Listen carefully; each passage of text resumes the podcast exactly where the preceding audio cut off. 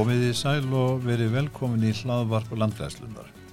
Gestur minna þessu sinni er Guðrún Smitt, starfsmaður landgræslunar og hún starfar fyrir austan þar að segja á Egilstöðum. Stjórnandi þáttarins og sá sem hér talar er Áskjell Þórisson.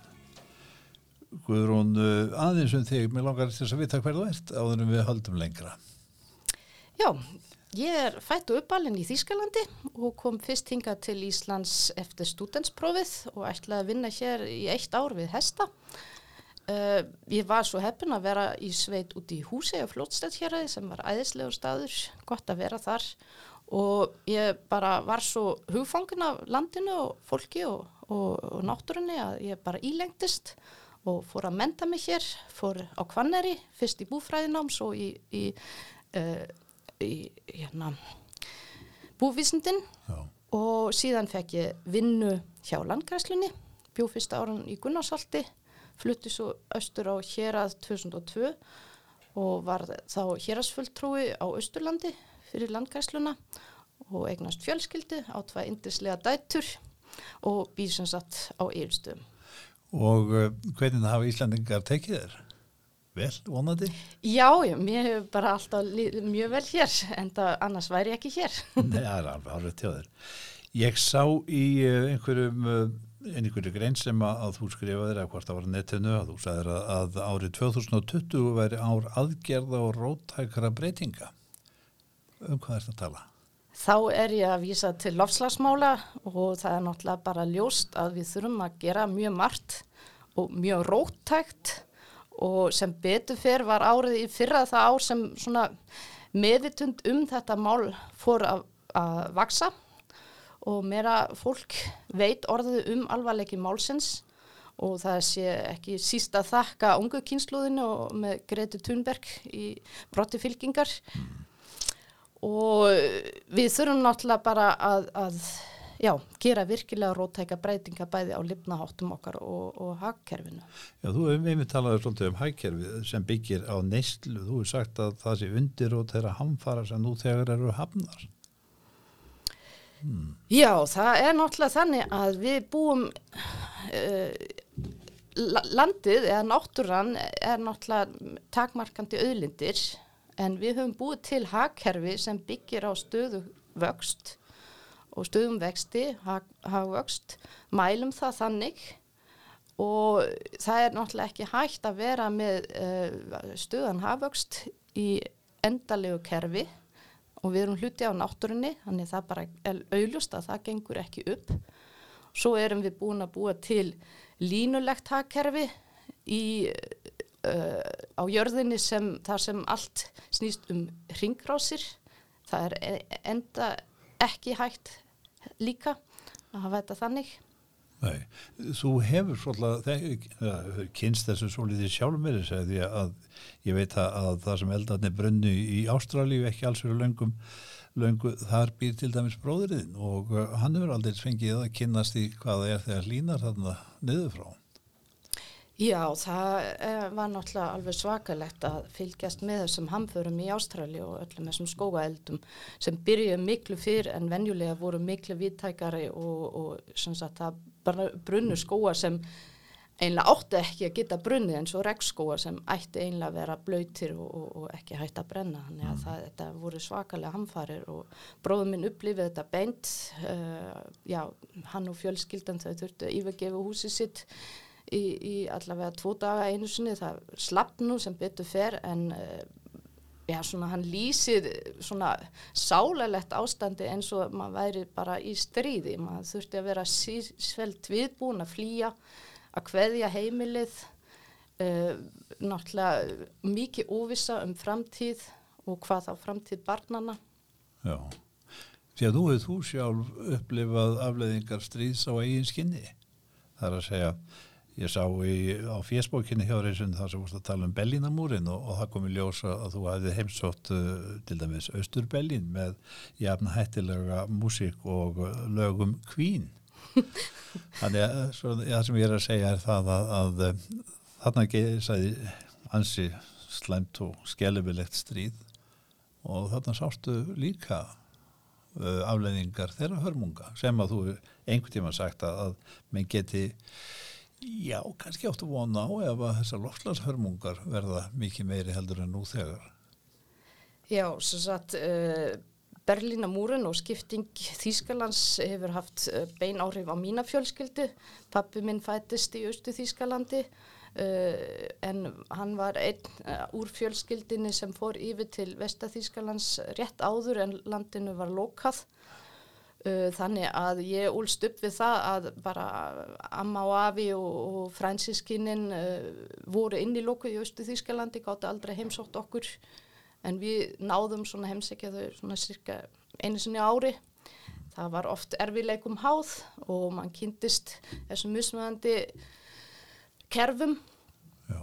og já, einu sinni sagt, tókst okkur að, að smikla kassetu með kvínlögum yfir en það var í Östu Þísklandi banna að hlusta á vestræna tónlist og ég mann eftir hvað fransískinu mín voru bara ívissi gladir að, að fá þessa tónlist en þeir gáttu bara að hlusta hana mjög látt stilta læst inn í herbyggi En það var náttúrulega kvín alveg sérstaklega góð hljómsveit. Já, ekki spurning. En sko þegar ég aðeins eh, var að afla mér upplýsingu um þig þá aftar ég mig fljótt á því að þú er árum saman unniða verkefnu sem tengjast loftlagsmálum. Eh, nefna má betra bú í þessu sambandi. Hvað er betra bú og, og segð okkur aðeins frá því? Þetta er hlutið af því sem við höfum verið að gera undanferðnum árum. Betra búi verkefni sem snýst um gerð landnýtinga áætlana á bújörðum og nálgunin í þessu verkefni er að bændur eru að búa til þessa áætlun sjálfur.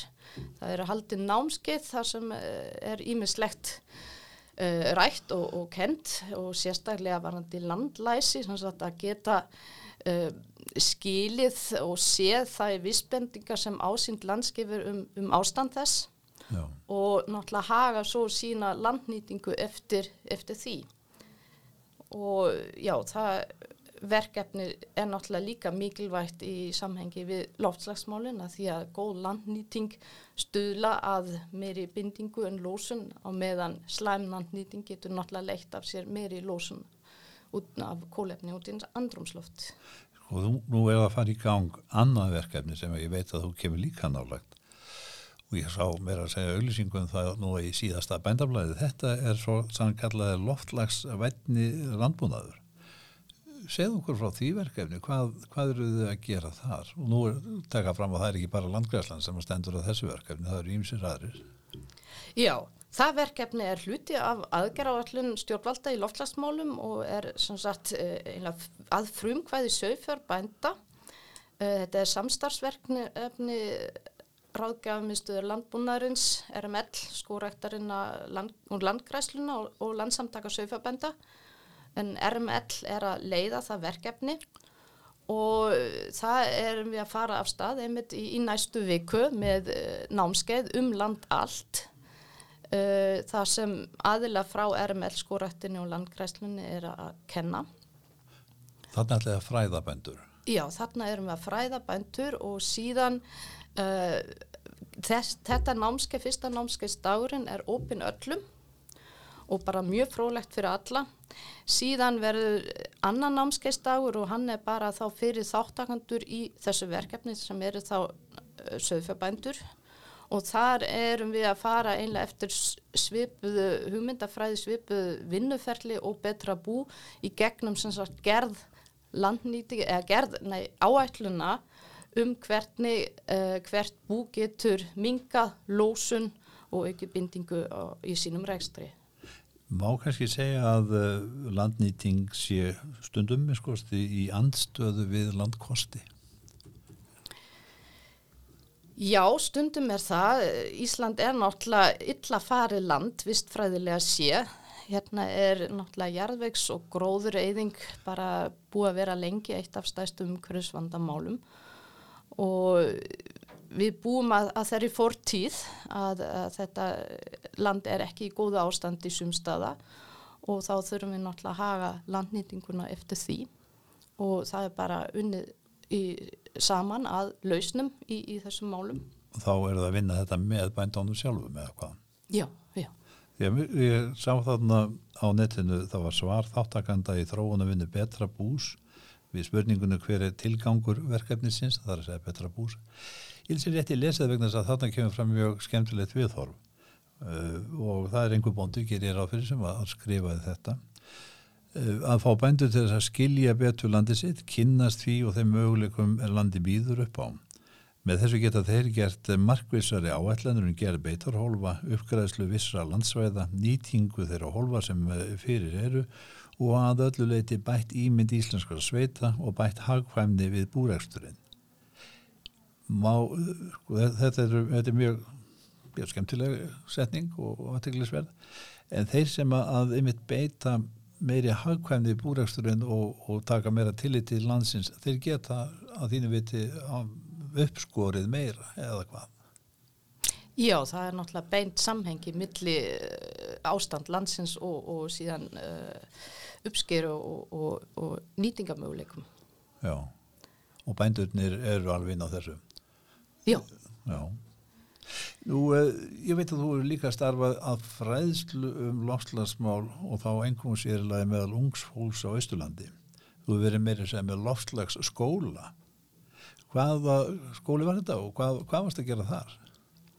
Þar var ég að bjóða upp á einstaks námskeið fyrir nemyndur í vinnuskólum síðastliðin sunma og þetta verkefni var styrt af uppbyggingarsöðu Östurlands mm og þarna eh, fórum við sem sagt alveg í gegnum uh, loftslagsmálinn, við gerum tilraunir, við fórum í hlutverkaleiki, uh, horfum á myndbönd og rættum málinn og síðan fórum nefndur líka mikið að vinna í, uh, í lausnum, það er náttúrulega svo gífurlega mikilvægt að, að finna leiðir til þess að, að gera eitthvað sjálf og, og ebla sjálfan sig í því möguleikum sem, sem hægt er að gera Já, og hvernig tóku krakkarnir þessu? Vel í heldinni. Já. Já, það, það var, jáfnvel bara fann ég fyrir að það er mikið þörf á að ræða málinn.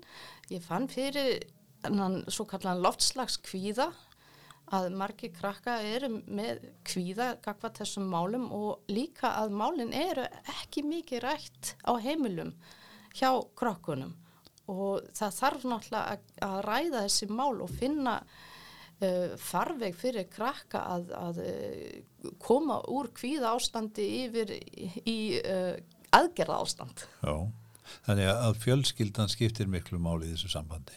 Já, ég býst við því.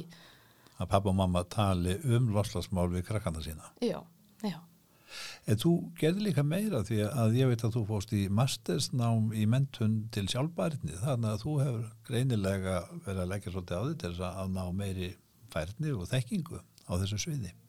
Já, já, þetta var bara mjög áhugað nám sem ég fór í og, og einmitt mentun til, að, eh, hérna, mentun til sjálfbærni ánáttúrulega stuðla að, að því að ebla getu til aðgerða en geta til aðgerða er einlega að uh, sjá og skilja og, og, og virkja sagt, aðgerðir uh, sem stuðla sjálfbæri þrón og einni að, að sjá hvaða aðgerðir stuðla ekki að sjálfbæri þrón og, og greina þar á milli.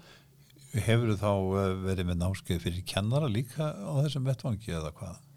Já, það hafa verið námskeið uh, í samvinnu við, uh, við svo kallega nanoverkefni á Skóla Íslands, mentavísindarsviðs og uh, landvend hefur einnig komið að því og landbúnaháskólinn og það er námskeið þá varandi hvernig við getum nýtt jarðvegin í þessa kennslu um bæði já, miðla ekki, ekki einungis um jarfin heldur sem dæmi um mikilvægi vistkerfa og síðan tengingu vistkerfa við einmitt sjálfbæra þróun og lofslagsmáli.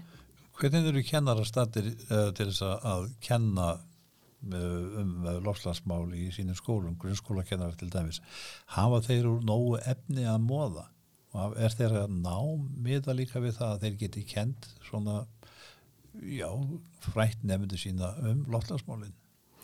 Kannanir hafa leitt í ljós að margir eh, kennara uh, já, vilja gjarnan fá meiri aðstóð og meiri efni um sérstaklega þessu stóru málinn og stóru samhengi eins og loftslagsmálinn eru og sjálfbær þróun og að það er, þó að það sé til eitthvað efni þá er það ekki endilega nóg heldur þarf einni að, að sjá hvernig á að miðla því það skiptir náttúrulega svo miklu máli að, að það er ekki nú að vera bara með einhvern fyrirlestur.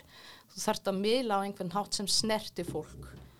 Og þá höfðu lagt til að, að menn noti jarðveginn sem kennslum viðil Já, já, jarðveginn sem kennslumiðl og einmitt að nota kennslu aðferði sem hafa svolítið áhrif á eigi gildismat og, og svona kennsluaðferði eru eins og hlutverkaleiki til dæmis eða hermileiki uh, heimskaffi og, og fleiri fleiri aðferði þar sem bein þáttakanda nefndar er, er nöysinleg Þú tala um heimskaffi, Hva, hvað er vel heimskaffi?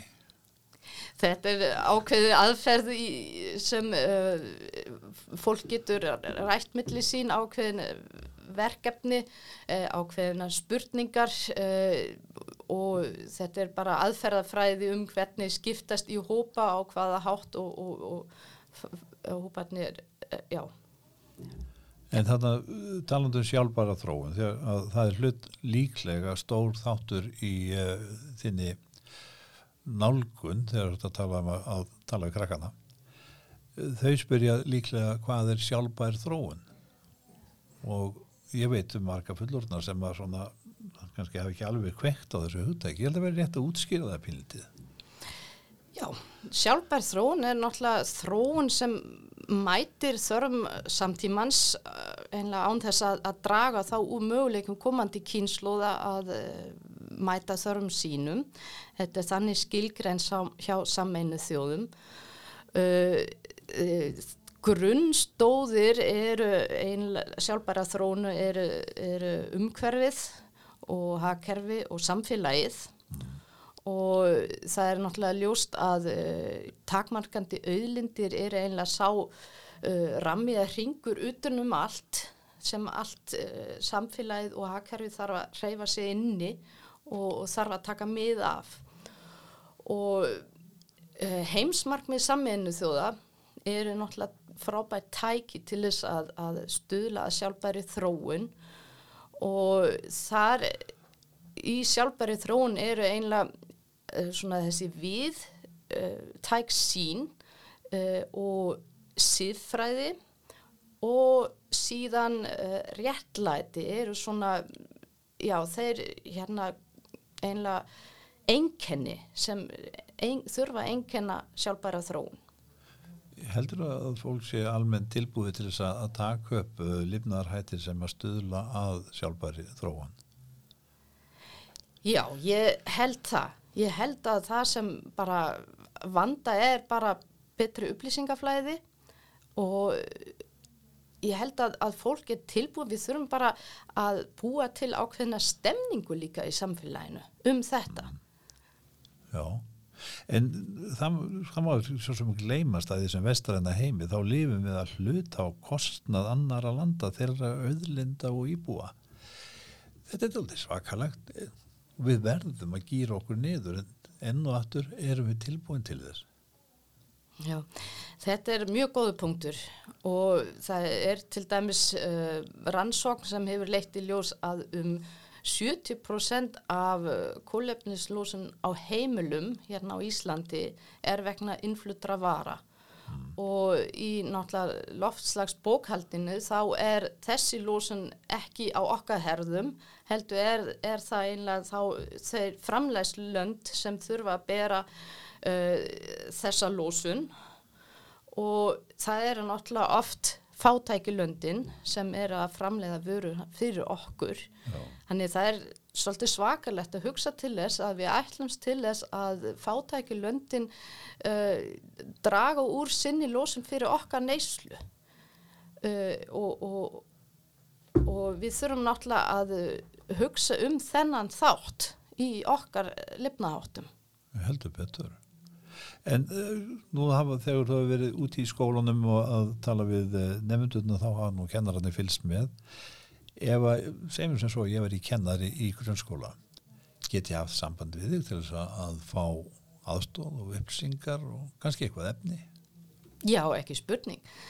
Ég er núna í minni vinnu búin að fara í skóla og, og hef sem sagt uh, kent á ýmsum stígum, uh, skólastígum og þá sérstaklega sem sagt nota jarvegin sem svona grunn en farið sem sagt síðan út í, í sjálfbæra þrón og í loftslagsmálinn og hef svona þróa ímis efni og prófa ímis efni og já og það er orðin svolítið reynsla til og þannig að endilega að ef það kennar að vilja nálgast þessu efni og, og, og svona spyrja mér spurninga þá bara verið velkomin. Bara munna eftir að ringi aðalnúmer landgræslunar og, og fá samband við þig Já, En e, það var einu sinni og það er kannski ekkit land síðan, það var hort á næju sem, sem einað höfu digðunum hér á landi. E, þetta hefur breyst. Næju sem er ek- ekki alveg á ekki jafn mikið upp á pallborði núna og áður. nei, En, en þú talar fyrir næju semi. ekki spurning. Næjusemi er einlega forsenda sjálfbæra þróna. Við getum ekki eh, nálgast sjálfbæra þrón með þeirri græðki sem er í gangi hjá okkur. Að eignast alltaf meira og betra og meira og betra, það er bara ekki hægt.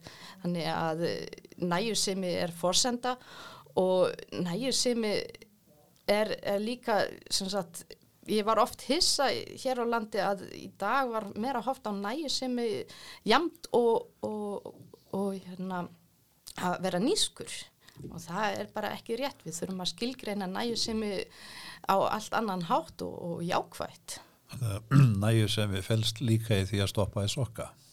já, gera við og sóa ekki Já, og, og vera ekki alltaf með, með, með það þarfir að, að halda maður þurfi hitt og þetta til þess að vera hammingjusamur mæ. Þannig að þú, þú talar líka mikið um kærleikan í þessu sambandi.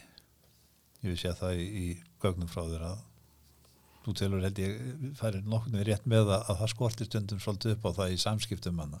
Já, kærleikur skiptir bara gífurlega máli, kærleikur myndli manna og, og svo bara náttúrulega geta sett sig í spór annara og hafa samkend er náttúrulega hluti á kærleiknum líka að, að vita að, að, að aðri hafa þetta ek- ekki eins gott og við og, og að við lifum svolítið á kostna annara Já, og svo er, er líka gífurlega mikilvægt að yfka þakklæti að vera þakklæti fyrir það sem maður hefur það hjálpa manni mjög mikið við að ná næjusemina en ég er alveg sammála þessu hjá þér.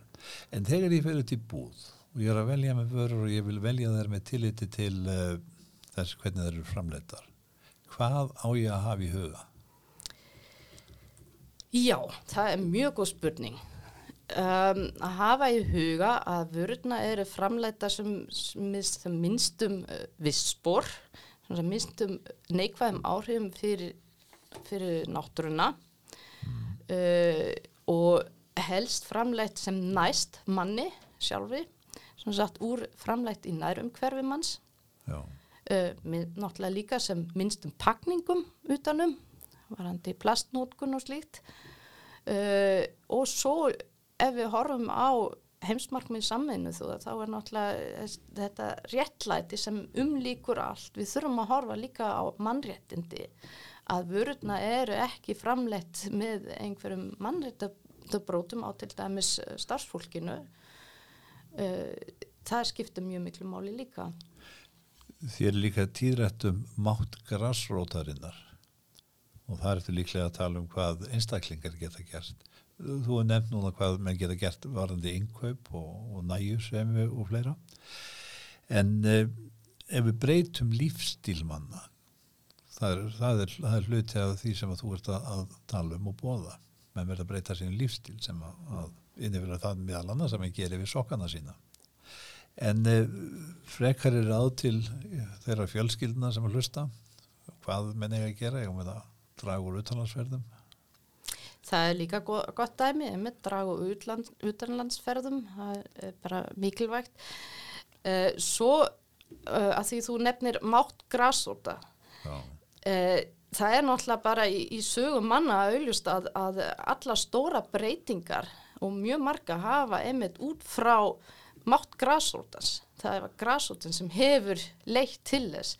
Ég horfi bara á fall Berlínamúrsins til dæmis. Mm. Uh, það, það voru einstaklingar sem voru að, sem sagt, fleiri og fleiri með tímanum sem kröfist að, að breytingar Já.